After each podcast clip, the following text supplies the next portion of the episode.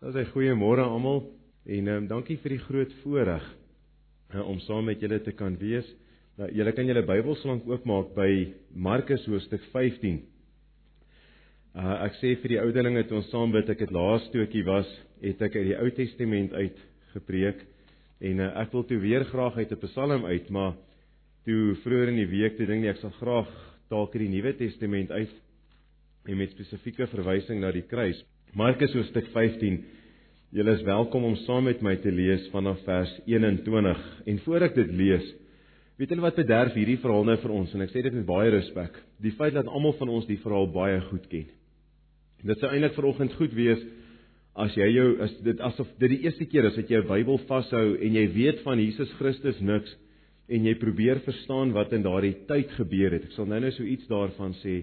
Maar wat dit vir ons moeilik maak is ons ken nie verhaal vooruit. Ons weet presies, ons word met dit groot. Maar volg saam met my Markus hoofstuk 15 vanaf vers 21. En hulle het 'n sekere Simon van Sirene wat van die veld af gekom het, die vader van Alexander en Rufus, gedwing om sy kruis te dra. En hulle het hom gebring op die plek Golgotha. Dit is as dit vertaal word, plek van die hoofskedel. Toe gee hulle hom wyn met mirre gemeng om te drink, maar hy het dit nie geneem nie. En nadat hulle hom gekruisig het, het hulle sy klere verdeel deur die lot te werp oor wat elkeen moes kry. En dit was die 3de uur toe hulle hom gekruisig het. En die opskrif van sy beskuldiging was bokant hom geskrywe: Die koning van die Jode. Hulle het ook twee rowers saam met hom gekruisig, een aan sy regter en een aan sy linkerkant. En die skrif is vervul wat sê en hy is by die misdadigers gereken. En die verbygangers het hom gesmaak terwyl hulle hoof skud en sê Ag, u wat die tempel afbreek en in 3 dae opbou, verlos u self en kom af van die kruis. En so ook die owerpriesters saam met die skrifgeleerdes gespot en vir mekaar gesê, ander het hy verlos, homself kan hy nie verlos nie. Laat die Christus, die koning van Israel, nou van die kruis afkom sodat ons kan sien en glo. Ook die wat saam met hom gekruisig is, het hom beledig.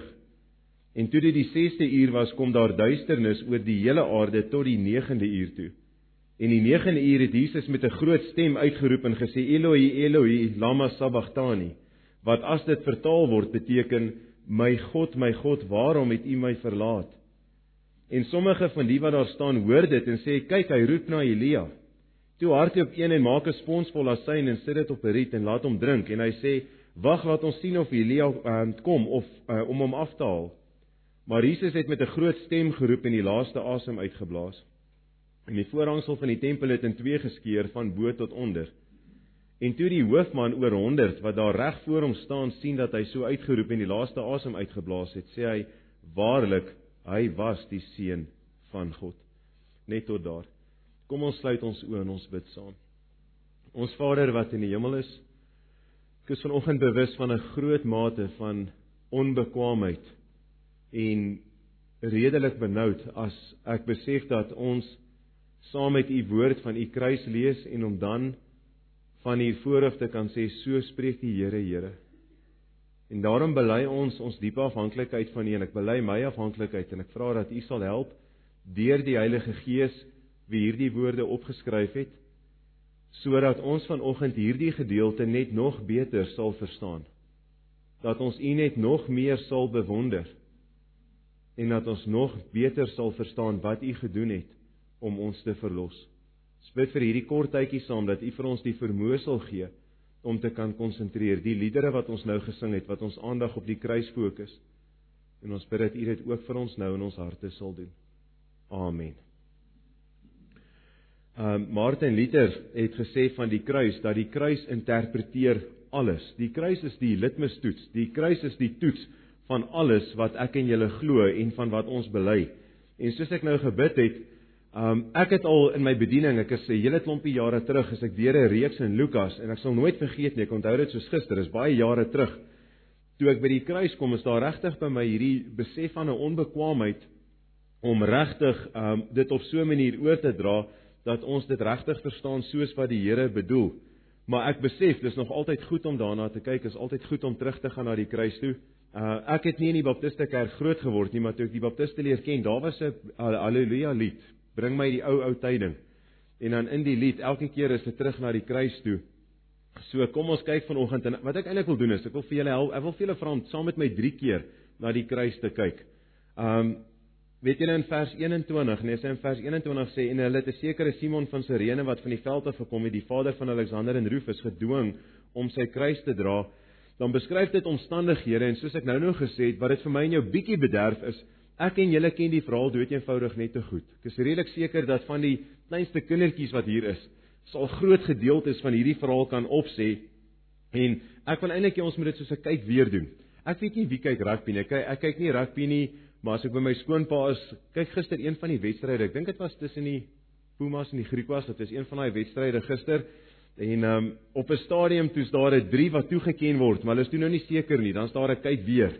Dan sien jy nee nee nee, maar die bal het nie die grond geraak nie of hy's oorgedra en ek wil eintlik hê ons moet met die teksgedeelte doen uh, en dit gaan vir my en jou help. Dit gaan jou nog meer van help help vanoggend as jy so klein bietjie jou verbeelding kan gebruik en maak asof jy daar was. Want ek wil vir jou die eerstens net 'n prent skets van wat sou jy gesien het as jy van die evangelie niks weet nie, as jy van Christus niks weet nie en jy was in die stad gewees op daardie stadium. Die eerste prentjie wil ek net vir jou skets. Wat sou jy gesien het? Want jy sou dalk iets gesien het wat nie dalk nie, jy sou iets gesien het wat baie algemeen was. Dan die tweede keer as ons kyk, wil ek hê jy moet saam met my oplet want Markus doen dit met opset in die teks. Daar's sekere dinge wat uitspring en sê maar u is iets verkeerd. As jy begin agterkom maar wie hang daar? En dan die derde keer om te verstaan maar as dit dan hy is, hoekom is hy op so 'n manier tereggestel? Uh daardie 3 kere. So met die eerste opslag. Gestel jy het in daardie tyd geleef, ehm um, jy weet van Jesus Christus niks regtig nie. Weet jy wat jy sou gesien het? Jy sou 'n dood doodgewone teregstelling gewees het. Dit sou nie vir jou vreemd gewees het nie. Inteendeel, ek en julle lewe in 'n tyd waar publieke teregstellings baie vreemd is. Ons ken dit nie. Daar's nog 'n paar lande in ons tyd wat publieke teregstellings het. Maar vir hierdie wêreld was dit normaal geweest. Inteendeel, as jy die Lukas verhaal gaan lees, dan staan daar en die mense wat vir die en ek vertaal dit nou letterlik, nê?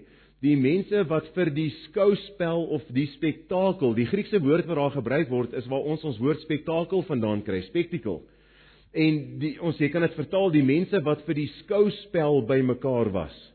So jy sou 'n menigte van mense gehad het. Kruisigings het meeste van die kere langs 'n hoofpad gebeur sodat almal dit kan sien en die eerste keer as jy die teks lees, moet jy verstaan maar dit was normaal geweest. Dit was aan die orde van die dag geweest. Al wie nooit gekruisig was nie, hulle sou nooit 'n Romeinse burger kruisig nie. Dit sou altyd iemand van buite wees om vir hulle te sê maar jy moenie met jou moeilikheid in Rome kom nie. So kruisiging was regtig die ergste vorm gewees en om seker te maak jy vat nie kanse in Rome nie as jy as, as jy van buite af inkom was dit 'n afskrikmiddel gewees. Weet jy in Markus 14 vers 64 as jy julle Bybels het nie kan jy gerus hou dit oop uh, dit sal goed wees as jy saam met my na 'n paar gedeeltes kyk deur die boodskap. Maar die eerste keer, dis nou wat jy sou sien. Markus 14 vers 64 en 65. Julle het die godslastering gehoor. Wat dink julle? en hulle het almal hom veroordeel dat hy die dood skuldig was. En sommige het begin om op hom te spoeg en sy en sy aangesig toe te maak en hom net die vuiste te slaan en vir hom te sê profeteer en die dienaars het hom met stokke geslaan. En voor jy nou die verhaal te ver vooruit hardloop, al wat jy so sien is 'n gewone teregstelling. Hulle bevind hom skuldig. Uh, in daardie tyd het hulle gekyk hoe swaar en hoe sleg hulle dit kan maak. Ek weet nie of julle al ooit deel was van 'n massa optrede waar mense mekaar seermaak nie, maar dit ontaard gewoonlik in wie kan dit die slegste doen, wie kan dit die hardste doen, wie kan hom die hardste slaan en die volgende soldaat dink hy kan dit nog beter doen in vers 21 van ons teks. En hulle het 'n sekere Simon van Sirene wat van die veld af gekom het, die vader van Alexander en Rufus gedwing om sy kruis te dra. Dit was normaal. Uh, dit was die gebruik van daardie tyd gewees dat jy iemand kry sommer van buite af. Net vir interessantheid, ons is nie seker of dit na die hele kruis verwys nie, heel waarskynlik net na die dwarshout Maar na alles wat Christus deur is op daai stadium, jy praat van so 20 of 25 kg se stuk hout wat jy moes dra en hy was so swak geweest in sy menslikheid op daai stadium dat hy dit nie kon dra nie. Dit sou verder gaan en dan sou hulle spykers wat 20 cm lank was deur die hande en deur die voete kap en jy verstaan ek sal bietjie later iets meer van dit sê. Ek dink ons maak baie keer baie meer van die fisiese as wat ons eintlik moet. Maar ek sal nou net sê hoekom dit belangrik is. In vers 22, gaan net saam met my hierdie verhaal en hulle het hom gebring op die plek Golgotha. Nog iets wat vir jou sê dit was algemeen. Dit was dit moes 'n bekend ons is nie presies seker waar die plek was nie, maar dit was die plek van teregstelling. As daar 'n teregstelling was, dan is hulle uit na Golgotha toe en dis waar dit gebeur het. So dit lyk asof Markus hierdie goed net so in 'n verhaal skryf dat ons kan verstaan, maar dit was algemeen. Vers 23. Toe gee hulle hom wyn met mirre gemeng om te drink, maar hy het dit nie geneem nie. Die rede heel waarskynlik dit was die gebruik in daai tyd omdat kruisiging so wreed was, het hulle dit met mirre gemeng om die pyn te verdoof dat die persoon nie so skree op die kruis nie, maar net vir interessantheid in vers 36. Ek wil net graag dit vir julle wys. In vers 36: Toe hardloop een en maak 'n spons vol asyn en sit dit op 'n riet en laat hom drink. En hy sê: "Wag, kom ons kyk of Elia na hom toe kom om hom af te haal." Ek het altyd groot geword en gedink hulle het vir hom iets gegee om te drink omdat hy dors was om hom te help. En hoe meer jy na die teks kyk, die eerste keer toe vat hy dit nie, die tweede keer toe vat hy dit. Ehm um, julle kan as julle julle Bybels by julle het, nee, blaai net gou na Lukas hoofstuk 23 toe. Hierdie het my gehelp om te verstaan wat daar gebeur het, om die konteks te verstaan. In Lukas 23 vers 36, Lukas se weergawe. Lukas 23 vers 36 en die soldaat het hom ook bespot en gekom en vir hom asyn gebring. Johannes verwys ook na hierdie asyn. Nou moet julle gou saam met my volg. Ek het regtig altyd gedink dit was iets om hom te help sou nie sin maak binne die konteks om te kyk hoe swaar jy ding kan maak en hoe sleg jy dit kan maak en nou gee jy weer skielik iets om hom te help nie. En toe snap ek dit. Ek het baie oor dit gelees en ek wou dit regtig reg verstaan. Wie van julle het al per ongeluk 'n sluk asyn gevat? Ek probeer nou en dan of ek het vir 'n tyd dan kyk appel appel asyn was op 'n stadium weer die wonder geneesmiddel nê. Ja as jy daai sluk is jy daai goed sluk Die eerste ding as jy en as jy nou nog gewone asyn moes vat, nee, die eerste ding wat jy doen as jy 'n sluk asyn gevang het, vat dit as jy snak na jou asem. En as iemand op 'n kruis hang en klaar nie asem kry nie, wat dink julle doen die asyn? As iemand siek is en asemnood het, gee jy tog nie vir hom 'n slukkie asyn nie. Jy vererger dit net. En toe verstaan ek hierdie konteks, hulle dit was in die algemene gebruik van daardie tyd om te kyk hoe swaar en hoe sleg hulle so iets kon maak. Weet julle net interessantheid, blaai gaan Psalm 69, die Ou Testament. Ek gaan nie eers vanoggend kom by by al die profesieë en al die gedeeltes nie, nê? Maar kyk gesaam met my in Psalm 69. Psalm 69 vers 20 en 21. Die Psalm sê dit was 'n vooruitwysing ook na Christus. U ken my smaad en my beskaming en my skande. Al my teestanders is voor u. Die smaad breek my hart en ek is verswak. Ja, ek het gewag op medelyde, maar verniet en op vertroosters, maar het hulle nie gevind nie. Daai asyn was nie om te help nie. Dit was om dit nog swaarder en nog slegter te maak. Dis wat daar gebeur het uh, op met die kruisiging. Kyk saam met my in ons teks Markus 15 vanaf vers 24. En nadat hulle hom gekruisig het, het hulle sy klere verdeel die die lotte werp oor wat elkeen moes kry. Nou ek gaan nie al die goed in detail kan verduidelik nie, dit was die gebruik van daai tyd. Een van die liedere, ek het nog nie hierdie weergawe gesing wat ons vanoggend gesing het nie. Maar een van die een van die reëls het vanoggend gesing, hy het my skaamte bedek. Ek is bang ek vergeet dit aan die einde want toe ons dit sing, toe besef ek dit. Het julle gedink dat met die sondeval het Adam en Eva uitgevind dat hulle naak is en God het vir hulle klere gemaak? Met die kruisiging is dit omgedraai, dat Christus se klere uitgetrek en my en jou skaamte word bedek in dit, nê? Nee, in Christus. Daai liedse woorde sê dit baie mooi. Nou weet julle wat sou ek en julle gesien het? Kyk nou vers 26 en 27. En die opskrif van sy beskuldiging wat bokant hom geskrywe was, bokant hom geskrywe die koning van die Jode. Hulle het ook twee rowers saam met hom gekruisig, een aan sy regter en een aan sy linkerkant, en die skrif is vervul wat sê hy is by die misdadigers gereken. Weet julle wat sou jy gesien het as jy die eerste keer daar was? As jy nog as jy van dit geweet het nie. Jy sou 'n doodgewone misdadiger gesien het wat gekruisig is. Dis wat jy sou sien. Dink jy vir my en julle reg om dit vanoggend te sien nie want ons ken die waarheid. Ons weet wat regtig hier gebeur het. Maar weet julle wat, net die die man in die middel is net nog 'n misdadiger. Dis wat al daardie mense daar gesien het. Markus lig dit uit. Markus beklemtoon dit vers 29 en verder. En die verbygangers het hom het, hom gesmaat terwyl hulle hulle hoof skud en sê ja, hy wat die tempel afbreek en 3 dae opbou. Met ander woorde net nog 'n misdadiger. Hulle vers 30 verlos jouself en kom van die kruis af. Vers 31 net so die owerpriester saam met die skrifgeleerdes gespot en vir mekaar gesê ander het hy verlos, maar homself kan hy nie verlos nie. Ek wil julle met saam my sien dat dit wat daar gebeur het baie normaal was in 'n sekere opsig vir die mense van daai tyd. Jy sou nie twee kriminele sien, jy sou drie kriminele sien as jy van niks anders gewees het nie. Dis wat jy sou sien. Jy sou 'n wrede teregstelling sien, 'n skouspel sien, maar jou eerste verstaan sou wees daar hang drie kriminele. Tweede keer as jy hierdie teks lees. Jy kan eintlik dit nie mis nie. Soos jy dit deurlees, is daar iets in jou wat sê, as jy nou vanoggend 'n kind was en jy het hierdie verhaal vir die eerste keer gelees, is daar iets wees wat in jou sê, hier is nie reg nie. Iets is verkeerd. So, kom ons kyk weer. Weet julle partykeer as jy so seker jy het iets reg gesien totdat jy weer kyk, dan kom jy agter en val dit bietjie mekaar. 'n Dom voorbeeld. Ek onthou as 'n kind, hier's nou so 'n paar kinders hier ook, maar ek was seker so 8, 9 jaar oud gewees. En ons ry, as jy nou op die verpad, ek weet nie of jy dit in die stad sien nie, maar as jy hier nou sou uitry Witbank toe of Louis Trichardt toe, ek weet nie of ek my rigting nou reg het nie, dit voel vir my reg. As jy nou die Witbank toe of jy ry Louis Trichardt en jy dis 'n warm dag en die son son skyn so op die teerpad en jy's dors, dan sien jy so plas water daar in die pad. Kyk, ons as groot mense sien dit nie meer raak nie, maar vir 'n kind. En ek onthou ek het vir my pa gesê, kyk daai water in die pad. Toe sê hy vir my, dis 'n mirage. Toe soek ek die vliegtyg. Kry nie die vliegtyg nie. Toe verduidelik my pa vir my wat 'n mirage is, nê? Nee, dis daai water wat so skyn in die pad.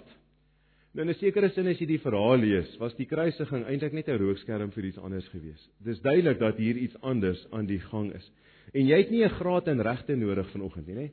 Tot die eenvoudigste kind wat hier sit vanoggend, sal dit kan raak sien. Jy het nie 'n graad in, dis nie amper ja, dis nie een van die hofsaake wat jy op TV volg en daar's al hierdie tegniese goed nie. Jy het glad nie 'n graad in regte nodig nie. Die kruisiging van Jesus Christus, hier's iets anders fout. Kyk gou saam met my in Markus 14 vers 55. Net so 'n bietjie konteks skep. Markus 14 vers 55 en verder. En die owerpriesters en die hele raad het getuienis teen Jesus gesoek om hom dood te maak. Daar's die eerste leidraad. En hulle het niks gevind nie.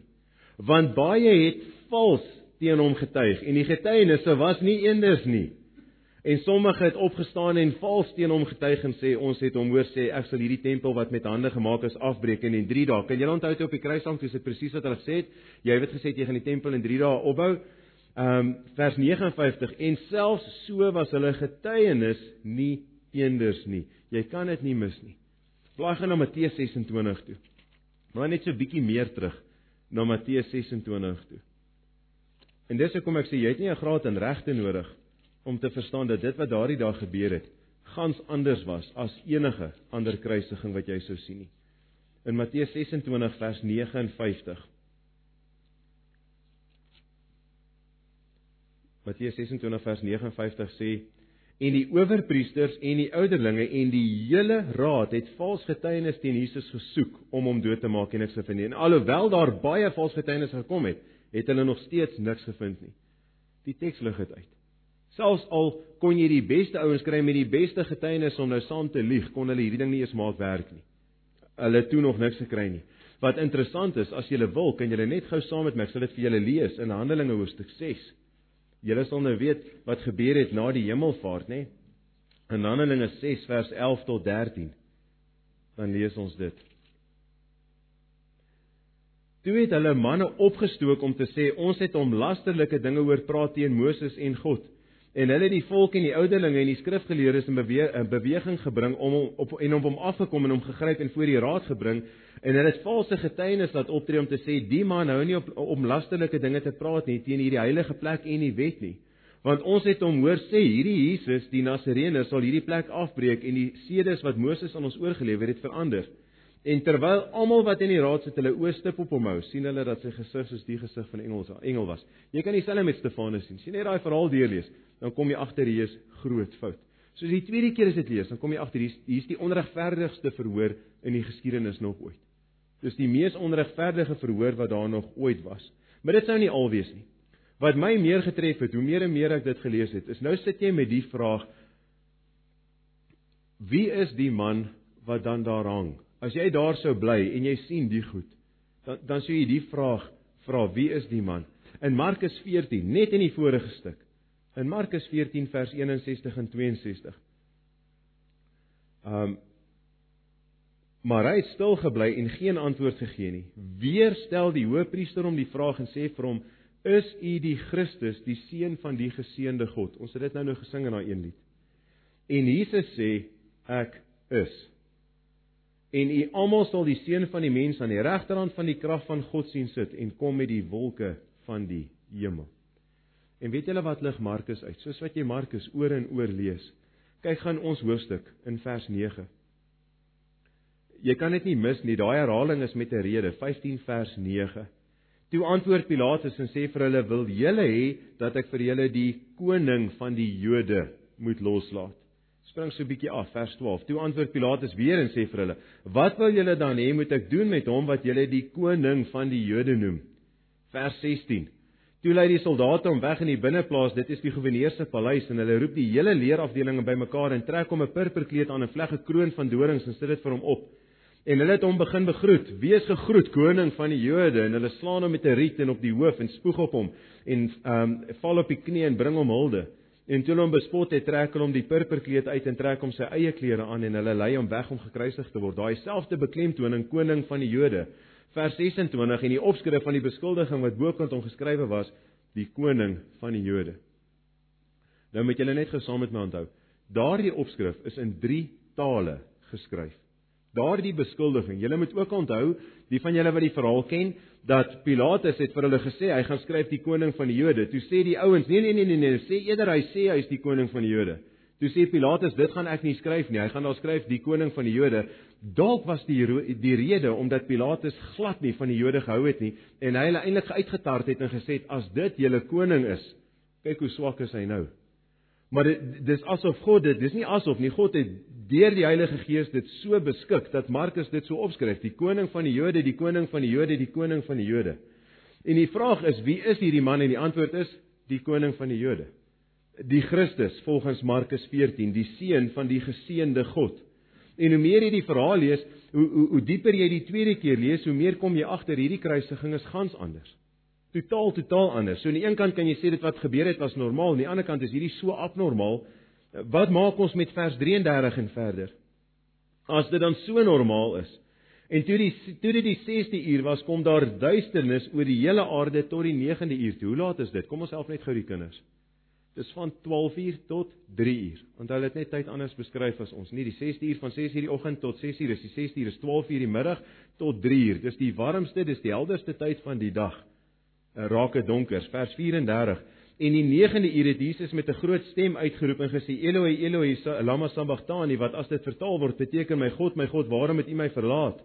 En sommige van die wat daar staan het dit gehoor en hulle sê toe kyk hy roep vir Elia en hulle hardloop en hulle bring vir hom asyn en Jesus blaas met 'n groot stem uit en die voorhangsel van die tempel skeur middel deur. Daardie voorhangsel word beskryf as so dik soos 'n man se hand. 'n Gordyn wat hoër as hierdie dak is. Geen mens kon daardie voorhangsel skeur nie. Dis dit's onmoontlik. Dis 'n werk wat van God af gekom het. En weet julle wat kan jou enigste afleiding wees? Waarlik hierdie was die seun van God. Dis die enigste afleiding wat jy kan maak. Tot die man, net vers 39, tot die hoofman, die ou wat in beheer van dit alles was, toe hy dit sien, toe sê hy waarlik, hy was die seun van God. Lukas beskryf vir ons dat die hele skare wat vir hierdie skouspel bymekaar was, hulle hande op hulle bors geslaan het en weggeloop het en gesê het waarlik hy was. Toe hulle sien wat gebeur het. Wat impliseer dit? Hoekom is dit vanoggend belangrik? Die eerste kyk hy het gesterf as 'n krimineel. Die tweede kyk dit was die mees onregverdige dood wat teregstelling wat daar nog ooit was. Uh weet julle hierdie was die onregverdigste teregstelling ooit in die geskiedenis van die mensdom. Dis asof die skepping dit sê, nê, met daai 3 ure duisternis. Ons kan baie oor dit praat, maar dit is asof tot die skepping saam met dit getuig en sê dit wat hier gebeur is die grootste ding ooit. Weet julle wat nog ironies? Hulle spot Jesus. Hulle sê as jy die Christus is, red jouself. Ander het jy gered, maar jouself kan jy nie red nie. Onthou nou, hulle spreek hom eintlik nie direk aan nie. Dis ook 'n manier van sarkasme wees, sarkasties wees. As ek nou, ek wil nou nie op iemand pik vanoggend nie, maar as ek nou op John of iemand se pik en ons maak asof ons hom nie sien nie en ons praat van hom voor hom. Dis eintlik 'n hoë vorm van sarkasme. Ander het hy gered, maar homself kan hy nie red nie. As hy die Christus is, laat hom. Weet jy wat is ironies? Hierdie mense het sy wonderwerke gesien. Hulle het gesien hoe hy siektes siekes genees. Hulle het gesien hoe hy die natuur beheer. Hulle het gesien hoe hy brood vermeerder. Hulle het gesien hoe hy dooies opwek. Die aand met sy arrestasie, toe hy sê wie hy is, toe val die hele leer soldate val agteroor en hulle val plat op die grond neer van vrees. Weet julle wat se punt? As hy al daardie dinge kon doen, dan het hy op die kruis gebly omdat hy wou. Die enigste afleiding wat jy kan maak. Hy het nie op die kruis gebly omdat hy swak was nie, hy het op die kruis gebly omdat hy so sterk was. Uh dit was nie sy swakheid wat hom op die kruis gehou het nie, dit was sy krag wat hom op die kruis gehou het. Jy sien as jy vir die tweede keer kyk, dan sien jy dat hierdie kruisiging gans anders was. En ek wil jou vra vanoggend, waar staan jy ten opsigte van Jesus Christus op die kruis? Dalk het jy nog net een keer gekyk en sê ja, gesiet wat in die geskiedenis gebeur het. Um ek wil vir jou sê vanoggend lees hierdie verhaal en weet dat hy feitelik aan daai kruis gesterf het. Die feite is opgeteken. Weet ook die feite rondom die kruisiging dat hy nie net maar nog 'n misdadiger was nie, dat hy die seun van God was. En dan met die derde lees, met die derde oogopslag. Eindelik sit jy nou met 'n vraag. Hoekom dan nou so? Hierdie twee uiterstes. As hy dan die seun van God is, as hy die koning is, as hy die Christus is, hoekom het hy so gesterf op daardie manier? En die leidrade is in die teks. Markus wys dit. Weet julle, uh, Markus help ons nou om daai legkaart te voltooi. Jy het nou die raam gebou. Jy soek mos altyd eers die hoeke van 'n regkaart, um, die kante. Dis nie maklik nie. Jy sit die kleure bymekaar en jy bou die legkaart. Daar's altyd daai moeilike stukkies. Markus help ons nou met daai laaste stukkies. Vers 27 en 28 gee leidraad. Hulle het ook twee rowers saam met hom gekruisig, een aan sy regter en een aan sy linkerkant. Let net op dat Markus nêrens sê dat hy 'n krimineel is nie. Hy het gesterf en hulle het twee rowers saam met hom gekruisig. En die skrif is vervul wat gesê het en hy is by die misdadigers gereken. Hoekom moes hy by misdadigers gereken word? Ons kan so iets van dit verstaan. Dit is nie lekker as iemand jou valslik beskuldig dat jy saam met 'n groep belhamels is nie. Uh, toe ek aan standaard 7 was, toe ons het getrek van Mafeking af Germiston toe. Ek weet van die stad niks, dis oorweldigend. En ek stap standaard 7 die eerste dag van skool in. Ons het 'n rekeningkunde meneer gehad, meneer Eigelaar. Hy ek kan ek kan nou ek onthou dit soos gister. Hy het jou sommer soos jy in die klas instap, net dan met die onderwyser nou vir jou sitplek aandui by 'n tafeltjie. En hy het jou sommer in jou oë gekyk. Hy, hy die hele klas die kant en dan het hy teen die, die kant vensters hier af, het hy 'n sotsie ry gehad. En as jy nou instap, dan sê hy jy kan die kant gaan sit, maar hy het my so gekyk toe sê jy jy moet in die chotsie ry gaan sit. Ek was baie verontwaardig, maar hy was dalk meer reg as wat ek wou hoor ken op daai stadium. Maar ek het toe sommer saam met hierdie ouens gereken. Dit het my so aangespoor my e-, eerste rekeningkunde toets kry ek 89% toe ek uit daai ry uit. Hoekom is Christus saam met misdadigers gereken? Wat van Christus? Daar's so 'n bietjie van 'n leidraad ook in vers 38. En die voorhangsel van die tempel het in twee geskeur van bo tot onder tot onder. So as hierdie draad vloei, is daar 'n weg oopgemaak vir misdadigers. Hy saam met hulle gereken in my en jou plek. As jy nou nog 'n klein bietjie kan konsentreer, nê? Blaai gaan na Jesaja 53 toe. En dis wat die Bybel so wonderlik maak, uh, hoe hierdie legkaart in mekaar inpas. Dat ek en julle presies weet, ons ons gaan nie oor dit spekuleer nie. Uh, ons gaan presies weet. Jesaja 53 vers 3 en 4. Hy was verag en deur die mense verlaat, 'n man van smart en bekend met krankheid. Ja, soos een vir wie 'n mens sy gelaat verberg, hy was verag en ons het hom nie geag nie. Nogtans het hy ons krankhede op hom geneem en ons smarte deed hy gedra, maar ons het hom gehou vir een wat geplaag deur God geslaan en verdruk was. Die eerste twee kere wat jy dit lees, is wat jy raak sien. Vers 5 en 6.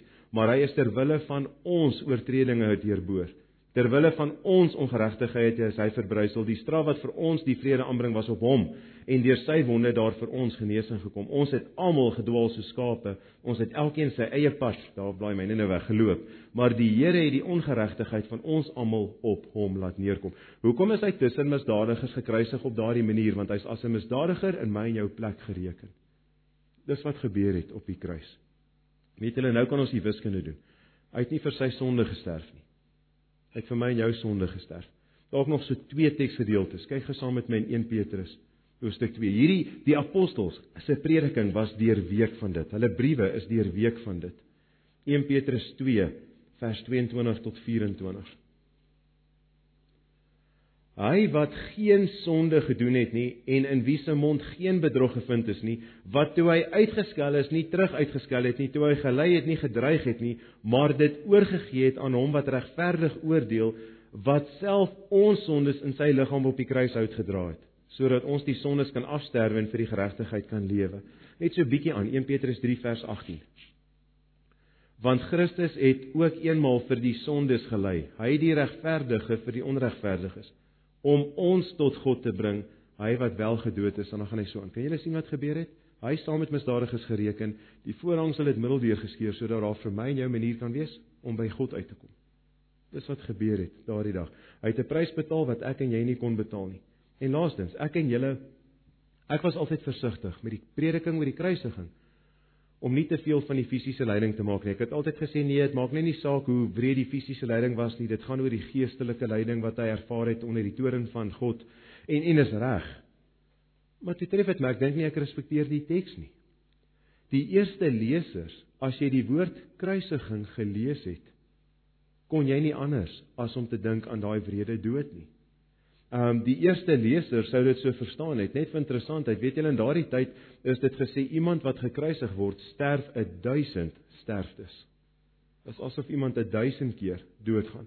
Reg hierdie geskiedenis het ons nog altyd gekyk, nie ons nie, het die wêreld nog altyd gekyk om meeste van die kere teregstelling meer menslik te doen. Dit was op 'n stadium onthoof of jy's ehm um, gehang of jy's geskiet of dit was die elektriese stoel of dit was die inspuiting. Die die Romeine het gekyk hoe wreed hulle dit kon maak. Daai woord kruisiging sou dit beteken het. Hoekom het Christus op so 'n wrede manier gesterf? Ek dink omdat menslik gesproke dit die ergste vorm van oordeel in daardie tyd was. Daar was niks erger as dit nie. En om vir my en jou 'n beeld te wees wat hy onder die toren van God ook geestelik sou ervaar het. Weet julle, um, die Bybel is my duidelik oor dit.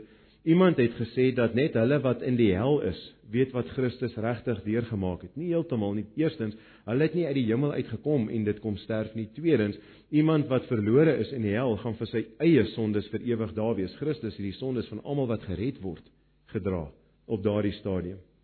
Deuteronomium 21 vers 23, dan mag sy lijk nie aan die paal hang oornag nie, maar jy moet hom sekerlik die dag nog begrawe, want een wat opgehang is, is deur God vervloek. Dis wat daar gebeur het. Openbaring, hierdie ek sal dit graag saam met julle wil lees in Openbaring. Ek dink dis bitter belangrik om dit raak te sien. Om dit te verstaan. Ek en julle dalk dalk is die kinders wat worstel, maar mamma, as Jesus dan vir my gesterf het sodat ek nie doodgaan nie en ons weet op aarde ons is by begrafnisse daardie waar ek en julle by 'n gelowige by die graf is. Die Bybel gebruik die woord ontslaap. Dit gebruik nie die woord dood nie, nê? Nee die dood wat Christus gesterf het, is nie daai dood wat ek en jy sterf hier op aarde, hierdie fisiese dood as ek my tweede asem net uitblaas nie, my laaste asem net uitblaas nie, is nie dit nie. Um Openbaring 2 vers 11 byvoorbeeld. Wie oor het laat hom hoor wat die Gees in die gemeente sê, die wat oorwin sal deur die tweede dood geen skade ly nie. Kom ek help julle van die begin af. Die dood wat Christus in my en jou plek gesterf het, is die ewige dood, die tweede dood. Die dood onder God se ewige oordeel. Um Openbaring, blaai sommer aan na hoofstuk 20 toe, is op 'n paar plekke, maar in Openbaring 20 kyk vir saam met Openbaring 20 vers 14. En die dood en die doderyk is in die poel van vuur gewerp. Dit is die tweede dood. Openbaring 21 vers 8. Maar wat die vreesagtiges aangaan en die ongelowiges en gruwelikes en moordenaars en horeerders en towenaars en afgodedienaars en al die leenaars, hulle deel is in die poel van vuur wat brand met vuur en swaal. Dit is die tweede dood. Kom ek help jou as 'n gelowige vanoggend. Die dood wat ek en jy op aarde sterf, is nie die dood wat Christus vir jou gesterf het nie. Christus het 'n dood gesterf wat jy as kind van die Here nooit gaan sterf nie.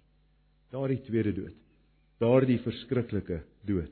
So die ergste was nie die vervloeking deur mense nie, dit was die vervloeking deur God geweest. Galasiërs 3. Christus het ons losgekoop van die vloek van die wet deur vir ons 'n vloek te word, want vervloek is elke een wat aan 'n kruis hang. En terselfdertyd, in my en jou hart, is die kruis dan die verskriklikste gebeurtenis, maar ook die wonderlikste gebeurtenis ooit. Weet julle, dis die grootste tragedie aan die een kant, maar dis die grootste triomf aan die ander kant. Dit is dikwels by my hierdie soetsuur gedagte As ons verstaan wat die seun van God deur is, is daar iets in ons wat inroep, maar dit kan nie. Dit dit kon nie so wees nie. Dit dis nie wat moes gebeur nie. Maar ek en julle weet ek vanoggend as dit nie gebeur het nie, het ek en julle geen kans op redding gehad nie. Dis hierdie soetsuur gedagte. Dit moes nie met hom gebeur nie, maar ons is dankbaar dit het. Ons is dankbaar vir sy liefde en sy genade. Jy moes deur God vervloek gewees het, maar Christus het dit in jou plek gedra. Ek en julle moes daar staan uh, en deur almal gespot word vir ons eie sondes. Weet jy dit sou sin gemaak het as ek en julle daar hang het want dan net daar drie kriminele gehang. Dit sou sin gemaak het. So wat nou? Maak vanoggend seker dat jy jou geloof in Christus alleen plaas. Maak seker jy gaan altyd terug na die kruis toe. Jy weet wat daar gebeur het. En jy verstaan dat jy word gered deur grond van geloof in Christus alleen.